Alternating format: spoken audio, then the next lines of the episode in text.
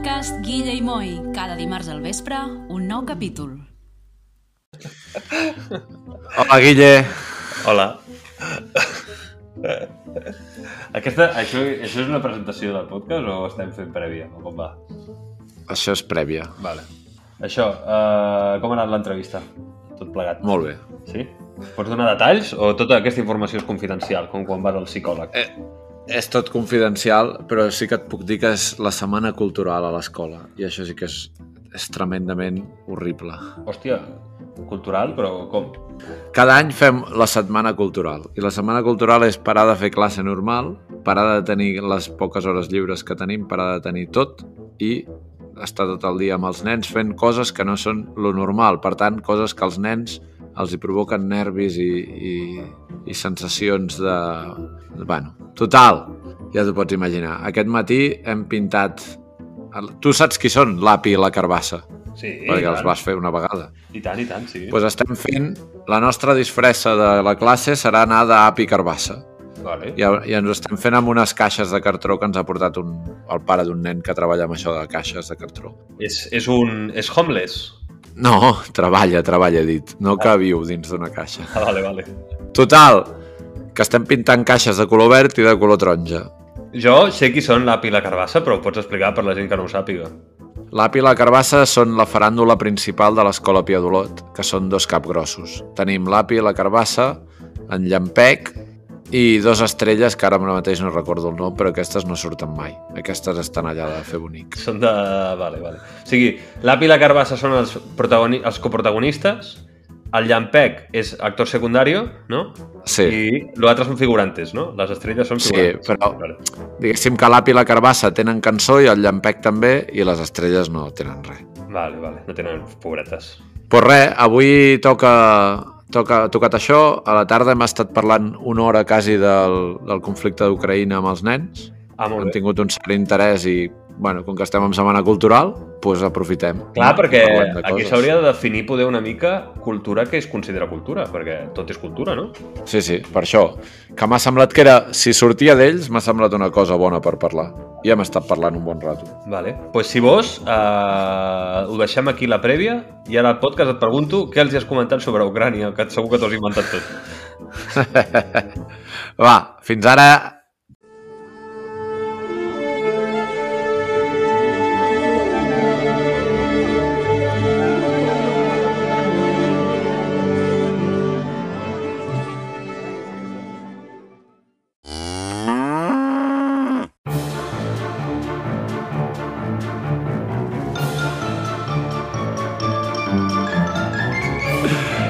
Bueno, benvinguts a Guille i Moi Podcast. Avui Guille i Moi Podcast perquè en Mauri avui no hi és i la Marina, que no hi és mai, tampoc hi és ara, però ja vindrà algun dia. Algun dia. Avui no sé si tenia festa, la Marina.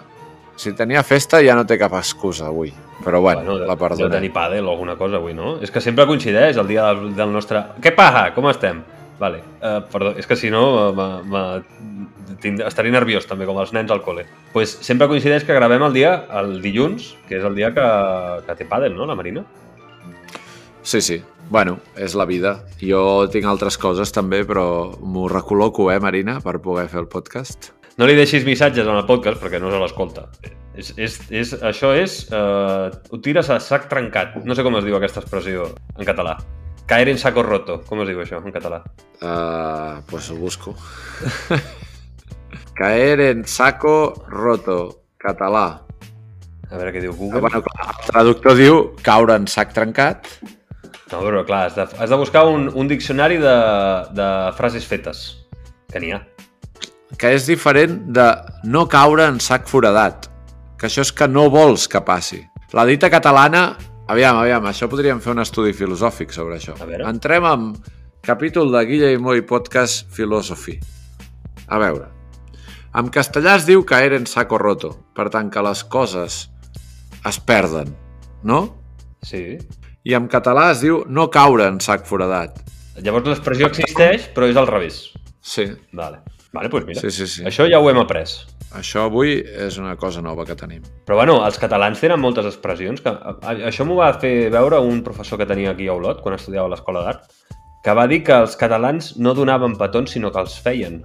Perquè els catalans no donen, no donen res, no donen ni petons. No donen ni petons. eh? No donem. A Donen com si fos, com si fos el guia a Sí, mi, sí. jo també ho soc.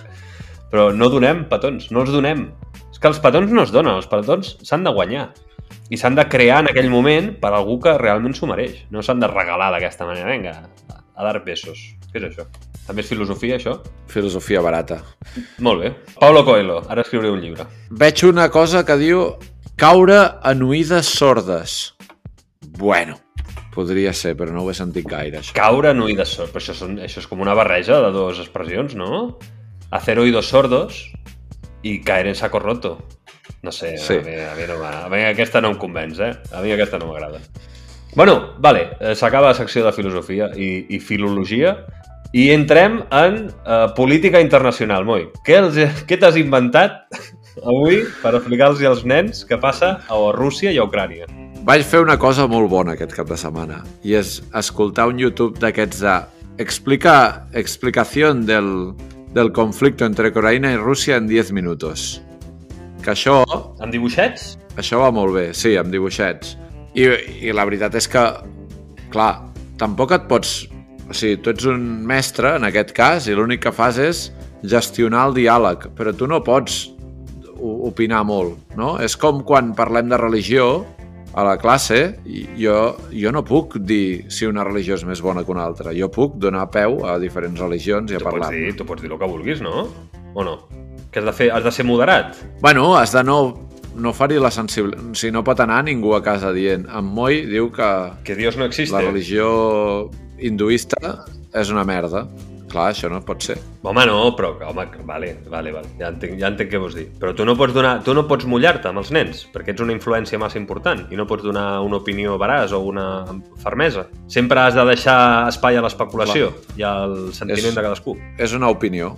Jo crec que quan dones una opinió ha d'estar molt clar que, que es pot donar. I a vegades passa i a vegades no. A vegades no es pot donar opinió. Jo crec que en un conflicte tan heavy com aquest s'ha de vigilar una mica.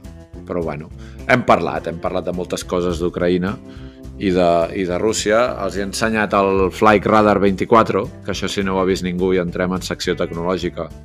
És una pàgina web, Flight, de volar, Flight Radar 24, que permet veure els avions en directe de tot el món. I aquesta web els hi demostra als nens a on hi ha un liu, perquè a Ucraïna en aquest moment no vola cap avió per sobre. No hi ha res. Estan tots donant voltes al voltant, però no no n'hi ha cap. Bueno, són maneres, maneres objectives d'explicar que hi ha un conflicte. Però només tinc més preguntes. A veure, el vídeo aquest que vas veure va ser a un youtuber que es diu Memòries de Pez? Pot ser? Sí, Eh que sí? sí? Eh, jo també el segueixo amb aquest, amb aquest xaval. Fa vídeos molt interessants sobre història i sobre aquestes coses, política internacional i tal, amb els mateixos monigotes sempre. Vull dir, és fàcil de seguir, són, és interessant. El que passa que, clar, aquestes coses de en 10 minuts pues, queda molt resumit tot i hi ha molts matisos que es perden per allà. Però vols que parlem una mica del tema, de lo que jo entenc que passa a Ucrània i Rússia? De lo que tu entens que passa a Ucrània i Rússia? Podem dedicar-li una miqueta, no? si vols, sí. Jo tinc només una cosa tecnològica per parlar i ja està. Jo també tenia que- una cosa tecnològica per parlar, el que passa és que no l'he acabat de desenvolupar, però segur que tu me la completes perquè segur que estàs molt al cas. Bueno, doncs tema Rússia-Ucrània. L'antiga Unió Soviètica, quan es va desfer, el 89, em sembla que va ser, no?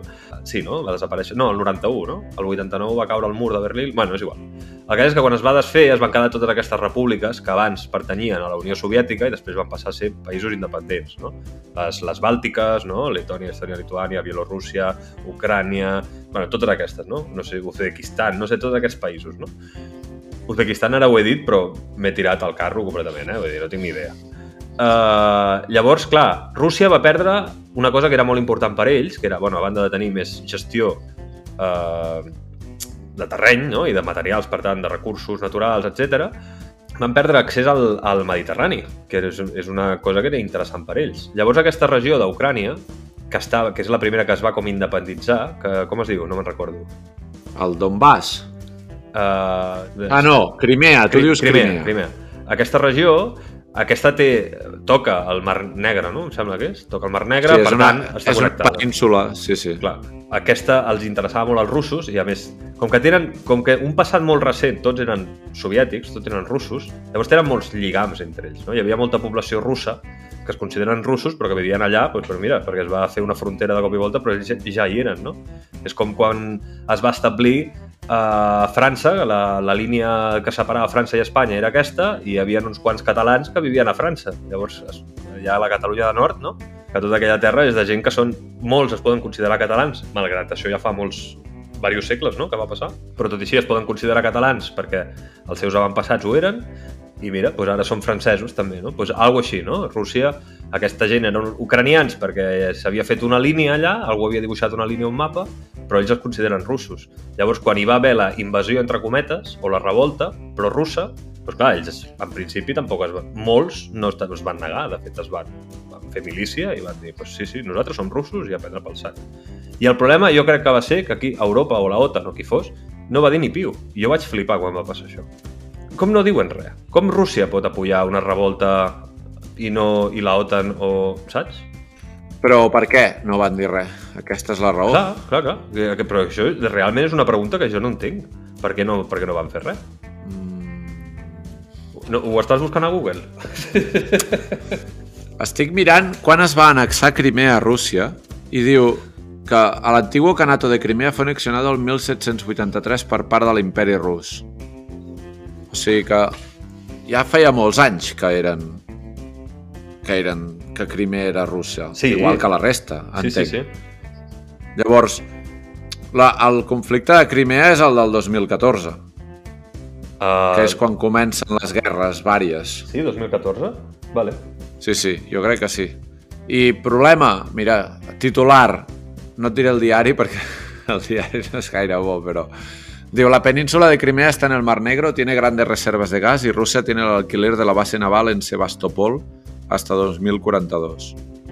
Per tant, segurament, tot i no ser rus, hi havia tants tractes, eh, o sigui, tants negocis muntats amb, amb aquesta península, devia ser molt difícil que no, no, no tornar-los-hi, per dir-ho així. Diu que al març de, 12, de 2014 la zona va viure un conflicte de molta tensió. Va caure al febrer el president ucranià Viktor Fyodorovich Yakunovich i Moscou va enviar milers de tropes dient que era un comboi d'ajuda humanitària. 16.000 soldats van arribar a la zona i la gent no estava gaire d'acord. I Barack Obama va fer alguna cosa, eh? Què va fer? Diu, Barack Obama, president llavors dels Estats Units, va declarar estem examinant mesures sèries en lo econòmic diplomàtic que podrien aïllar a Rússia. Els Estats Units va suspendre la seva col·laboració militar amb Rússia, que bueno, que tampoc és molt greu, no? I vull dir que tampoc s'han entès mai, però bueno. I aquí està, eh? Això són les mesures que van prendre. O sigui, es van, es van canviar d'equip, per dir-ho així. I ja està. No hi ha, no hi ha més història. Clar, com pot ser que, que, que un país envaeixi un altre i la resta s'ho mirin i no facin res? Saps què vull dir? Aquest és el món globalitzat que volem? Però Ucrània ara mateix també només s'està defensant, perquè és que no volen problemes. Bueno, és que tècnicament el que hi ha a Ucrània és una guerra civil. Una guerra civil amb suports externs. Clar, bueno, com totes les guerres civils. És el, el Donbass contra la resta d'Ucrània i al Donbass hi ha tots els russos i a la resta d'Ucrània tota Europa. Els russos aquests, que tu ja has dit que el 2014 van anar allà a portar un saquet d'arròs cadascú, perquè en comptes d'enviar un avió ple de menjar, van dir, no, ja, ja portem gent que, no? que cadascú porti Sí. un paquetet d'arròs I s'hi van quedar. i ja s'hi ja s'hi van quedar. Això ho va fer també el Napoleó amb... amb... Això va ser molt bo, eh? A l'època de, de Napoleó, de Napoleó Bonaparte, el primer, que va dir... Me deixeu amb els, amb els 20.000 fills de Sant, Sant Lluís, aquests, no? Eh. Que li va dir a Espanya "Eh, passem un momentet que anem a Portugal a fer una cosa. I Espanya va dir, no, passa, passa, cap problema. Clar, què va passar? Pues que després de fer la cosa a Portugal, pues no van voler tornar a França i es van quedar a Espanya i van intentar quedar annexionar-se a Espanya també, no? Clar, aquesta, aquesta tècnica és molt vella. Això de, no, no, deixa'm passar un momentet, que vaig a fer una cosa. Què has de dir llavors? Has de dir l'excusa que a les mares els ha funcionat sempre és "A- acabo de fregar, ara t'esperes al teu quarto. Que és el que hagués dit jo. A Ucrània, acabo de fregar el Donbass, ara mateix no pot no passar. Hi ha, Hi ha algun comentari dels nens que són molt intel·ligents Sí. que algun nen ha dit però per què encara tenim armes? Ha sigut un bon comentari. Hosti, quina, quina bona pregunta. eh? O sigui, no, no entenien el fet de per què encara, sent lo avançats que som, per què tenim armes, no? És, és interessant. Hi ha, hi ha comentaris bons sempre quan parles amb els nens d'aquestes coses. Tu has notat, tu has notat interès, no, doncs, amb a la canalla de saber aquests conflictes i tal, de, de què va. Sí, sí. I hi ha nens que s'ho miren i que llegeixen i que escolten la tele i miren aviam què passa. Jo crec que ho han de... Jo estic d'acord, eh? En que aquests nens han de veure aquesta realitat perquè els farà millors persones en el, en el pla de cultural, per dir-ho així, no sé com dir-ho, en el pla... No seran més intel·ligents, però sabran què passa en el món, no? I una mica no poden viure només amb el Teletubbies. No, no, no, està clar. Bueno, quina edat tenen? 8-9 anys. Hòstia, 8-9 anys? Hòstia, però són molt jovenets, eh? No, que, que els interessin aquests temes està molt bé. Sí, bueno, quan els he explicat que hi havia hagut una escola que havia estat atacada i que hi havia hagut algun nen que s'havia mort, també s'han quedat així molt impactats, no? I deien, i què passaria si? Llavors és, sempre és això, eh? Què passaria si? Sempre si els hi afecta a ells, no? Clar. O, o jo, si estigués en això, faria això, Sí. no? Sempre estan en aquesta situació. I, bueno, ha, ha estat interessant. Ha estat interessant la xerrada. De fet, hem estat una hora xerrant i han dit, home, ja pleguem. Dic, home, portem una hora, ja podem començar a fer alguna cosa. Teníem un concurs sobre el medi ambient de la marca U, de- d'aquella de, de la pega del, del, del mussol negre. I... Tot això, tot això, tota aquesta última frase no en té res. La marca U de la mussol negra. Què és això? Sí, tenim un... Hi ha una marca de pega, que és groga i negra, que es diu U, UC, U-H-U, UHU.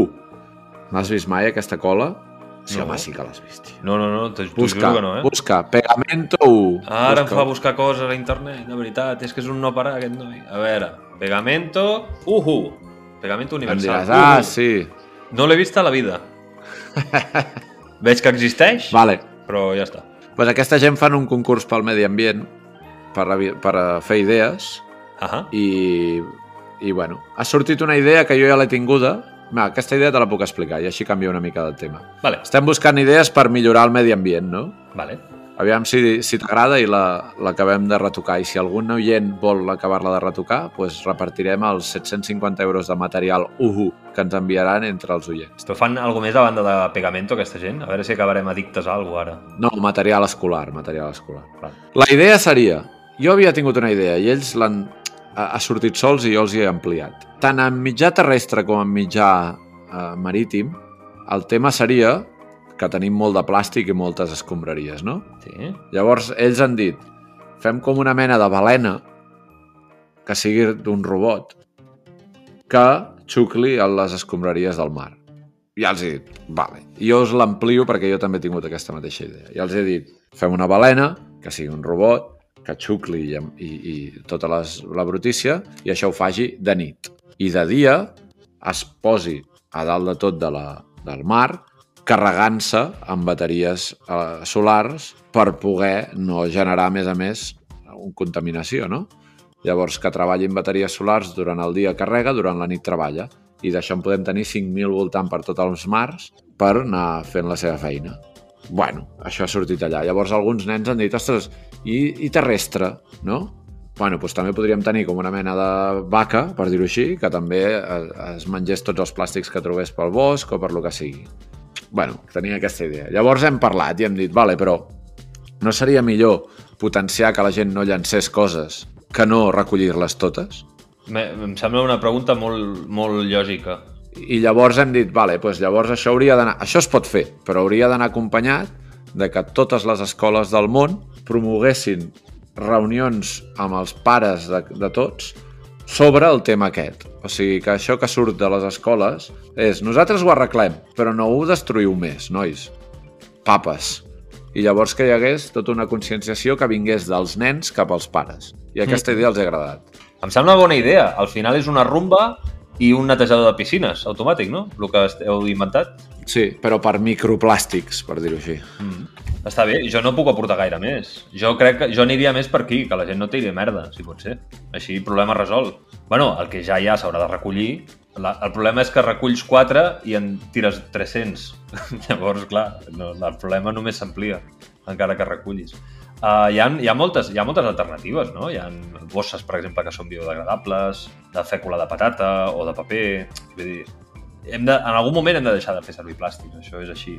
I tots els que hi ha ara, doncs sí, s'haurien d'anar recollint, sí. Sí, perquè això passa a la cadena tròfica i al final ens el mengem nosaltres. Que tornem a una mica el que deien els nens, no? Això, i què, em passa, què em passa a mi, no? Com m'afecta a mi això realment? Perquè quan afecta als peixos, doncs, mala sort. Però clar, quan el peix te'l menges i això ho tens tu a l'intestí després i tens una bola de plàstic d'un quilo a dins del cos, doncs, llavors tindràs un problema. Que ja passa. Que sí, ja passa, ja passa. I saps, sí. Què, saps què és el més graciós de tot? Que si t'operen per treure't aquestes, bos, aquestes boles de plàstic, les tiren a la basura. I tornen un altre cop al mar. és com el ciclo de la vida del rei León, però malament. Hòstia, avui és, és podcast protesta, eh? Avui tenim un és... podcast molt eh, reivindicatiu, aquest prim, aquesta primera meitat. La segona meitat és purament tecnologia. Si vos, si vos ja deixem estar mediambients rússies i expressions eh, mal traduïdes i ens posem, ens posem amb, el tema, amb els temes que portàvem. Si vos, Moi, si et sembla, t'explico jo el meu, tu me'l completes, perquè segur ja et dic que segur que en saps més tu que jo, i després tu m'expliques el teu i jo escolto atentament. Et sembla? Molt bé, va, som-hi. Molt bé, doncs va. Comença la, la secció de tecnologia d'en Guillem, que no l'ha feta, no feta mai. Avui vinc a parlar-vos de NFC. Ho haig de llegir perquè són tres lletres, però no sabia, no sabia què era. NFC vol dir Near Field Communication o camp proper de comunicació i en Moi fa que sí, com diguem-me, ja sé de què em vens a parlar. Però jo això ho desconeixia. És al final, quan pagues amb, la, amb el TPV, amb la targeta de, de crèdit, sense ficar-la dins, sinó posar-la a prop, doncs és això. O sigui, és un sistema de comunicació entre dos aparells o entre un xip i un emissor, un emissor i un receptor, per proximitat és, també això passa al metro o a l'autobús, no? amb les targetes aquestes, que l'apropes, la poses sobre d'una màquina, un lector, o quan entres a algunes oficines també, no? que poses el, el teu identificador sobre una màquina i, i sobre la porta. No equivocar-se amb els NFTs, que és una cosa de cripto, eh? Sí, no, no, això és, això és físic, això és físic. És, és, és algo semblant al, al, una mica funciona com els carregadors aquests inalàmbrics de, que tens per carregar el mòbil, no? que són una base que tu poses el mòbil a sobre i es carrega al final es genera allà un camp electromagnètic que fa que es carregui la bateria, o els salpicaderos dels cotxes, no? també ho tenen alguns. Col·loques allà el mòbil i se't carrega el mòbil, i no és màgia. Això va amb NFC. Has de tenir l'NFC activat.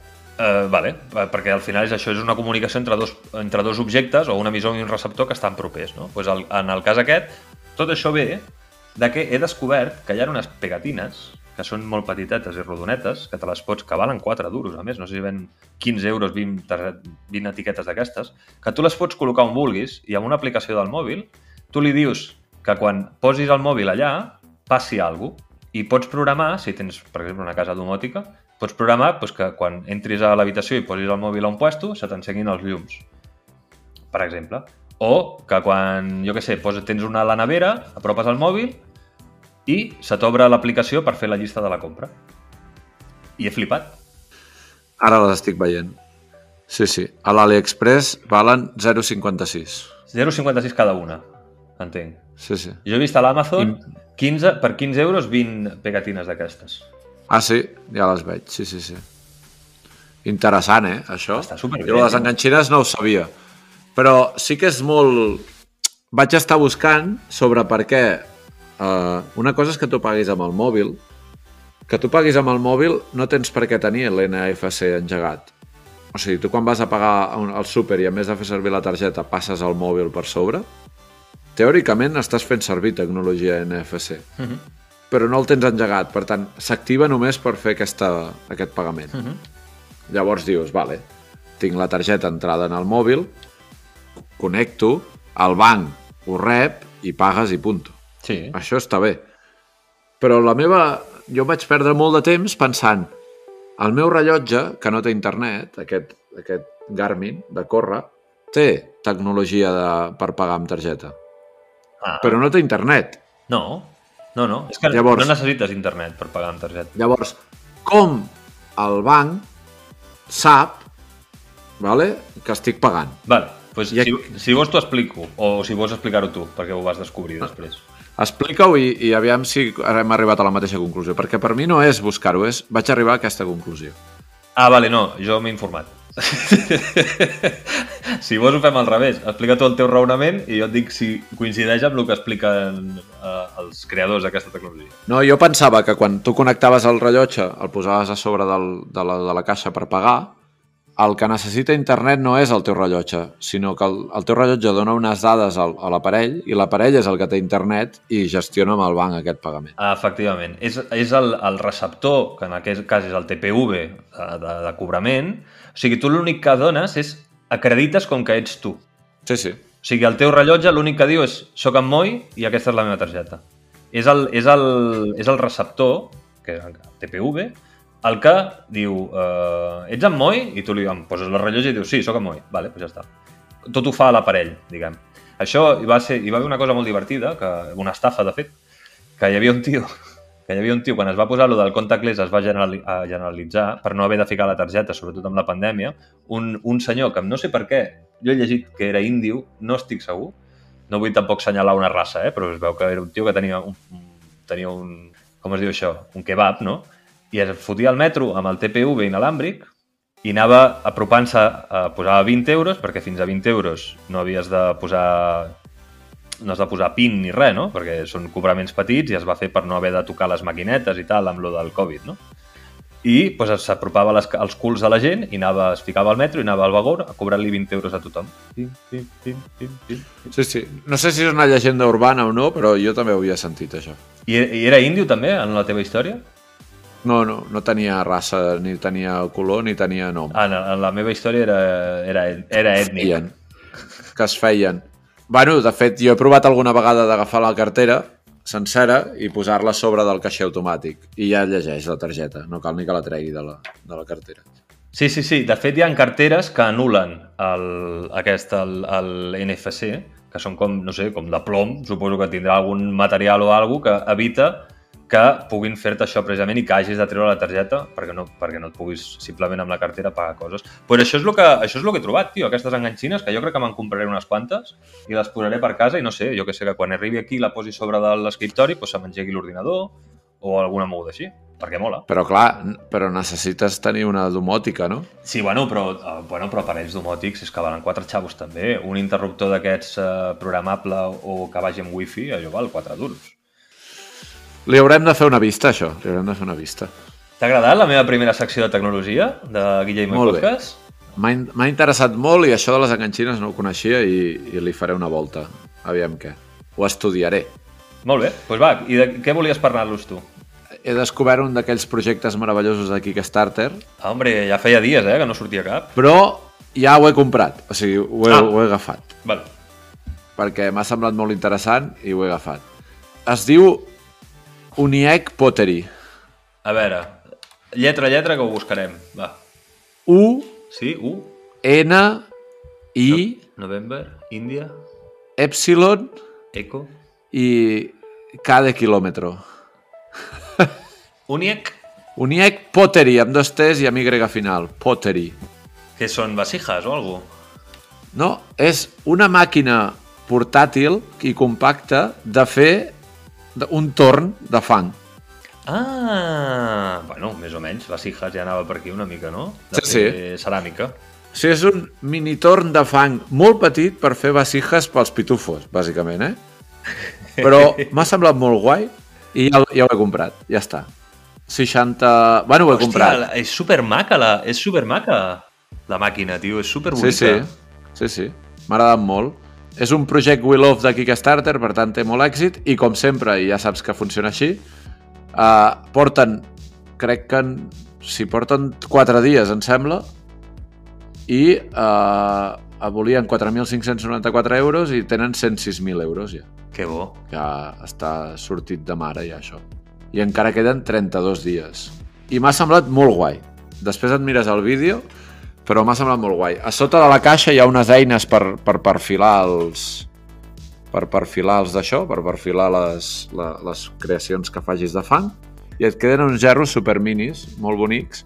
Sí, sí, ho estic veient. Totes les eines que normalment serien de mida normal, en aquest cas són reduïdes. M'ha agradat molt. Encara queden 32 dies, per tant, la gent té temps de, de això. I he pagat 538 HK dòlares, que no sé què són. Uh, Aviam. 538? Sí. HK, ah, és un dòlar hongkoniano? Sí, sí, sí. Sí, sí, sembla que sí. Pues dòlars de Hong Kong he Que pagat. són això, uns 60 euros, una mica més, no? Sí, sí, 62 euros o així. No sé, m'ha agradat molt, la idea és molt bona, és molt bonic, visualment és una cosa xula per tenir allà posada, com que la família de la, de la Clara hi ha molta tradició de- d'això, perquè el seu pare feia, feia ceràmica, jo crec que els agradarà molt a aquella família això, i serà, mira, caurà allà al juliol del 2022 si tot va bé. Vale, si era una sorpresa o era un regal, ja l'has cagat, perquè ho acabes de dir aquí en directe. Però bueno, No, no, no. Aviam, és igual. M'interessa més que tothom ho pugui comprar i que tothom participi d'això. No és tan regal sorpresa com que els hi farà il·lusió esperar fins al juliol per tenir-lo. Que guai. Oi, m'ha agradat molt, m'ha agradat molt l'objecte, eh? Eh, Té un rotllo una mica smec, estèticament. Bueno, jo al principi em pensava que era una càmera de fotos d'aquestes eh, que fa versions així rares, com la Olo o la Ulo, no sé com es deia aquella. Vale, vale, No ja, sé, un- sí, sí, ja, ja, ja, sé que, ja sé què vols dir. Sí, aquestes que fan ojos de pez o coses d'aquestes, no? Panoràmiques. Sí, i després he vist... He entès que era Pottery i llavors ja, ja he anat entrant. Sí, sí, sí. Ostres, doncs és, és supermaco. Ja, ja m'ensenyaràs quan ho tinguis. Sí, no he pogut triar el color i el que sí que et deixen és, un cop ho compres, et diuen, bueno, vols afegir 20 espongetes per 5 euros més? Vols afegir uh, uns pinzells? Vols afegir unes pintures? I podries afegir quatre cosetes més. Però no he agafat res perquè no cal. Simplement crec que l'aparell és lo interessant. I res, Uniec Pottery i el Kickstarter el trobareu. I aquests 62 euros és al principi, perquè és el, és el Super Early Bird, que vol dir quan ho compres al principi de tot. Després ja el preu anirà pujant. Sí, té, això té pinta de valdre 100 pavos tranquil·lament, eh? D'aquí unes... quan ja estigui fet. Sí, sí. Doncs pues mira, si us agrada la ceràmica i no, no voleu emmerdar gaire, ara, tot, com a molt, gots de xupito traureu d'aquí, eh? Sí, sí, bueno, és simplement per practicar. Jo crec que pot ser guai. És com tenir un bonsai en comptes d'un d'un pi, no? Sí. sí, sí. M'agrada la jardineria, però mira, visc un pis a, a la diagonal, molt petit. pues tinc bonsais. És una mica això. Per això igual. Molt bé, molt bé. Pues mira, m'ha molat molt. M'agrada molt estèticament, eh? ja et dic. Em recorda molt a la marca aquesta Smec, que és aquestes neveres eh, així tan poc útils però tan boniques que surten sempre a les pel·lis, que són així rodonetes i tal. Eh, rotllo retro, no? I sí, Sí, sí, sí. i veus aquí una persona amb, amb dos ditets fent aquí les, les seves gerres. Bravo, bravo. Perfecte. Uh, Moi, tenim avui tenim xiste o tenim alguna coseta així? No, no tenim res, no? Avui no tenim No. col·laboradors, no tenim acudit, no tenim res. tio. No tenim res. Avui ho acabo amb una recomanació cinèfila. Sí, t'anava a dir que fessis un xiste d'aquests que et diu el teu mòbil, però bueno. Ah, bueno, també, també podem. Ahir vaig veure uh, The Comeback Trail, traduït a- al castellà La última gran estafa, una pel·lícula amb Robert De Niro, Morgan Freeman i Tommy Lee Jones, entre d'altres. Ah, tots, tots xavals, xavals de la cantera, no? Sí, sí. Molt divertida i la recomano. Crec que Prime Video, La última gran estafa. I aquí ho deixo. I ara, acudit. A veure. Cuéntame un chiste.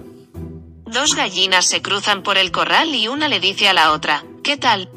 ¿Cómo va eso? Pues no muy bien, la verdad. ¿Pero qué te pasa?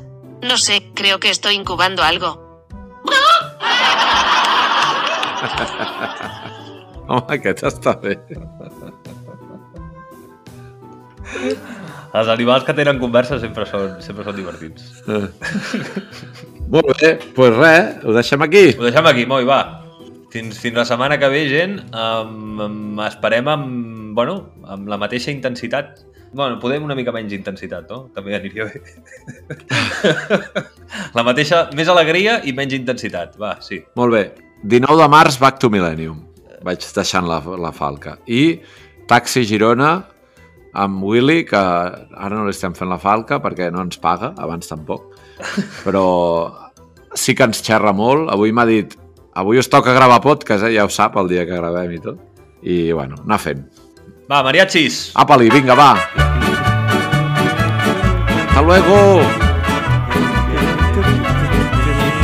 Adiós.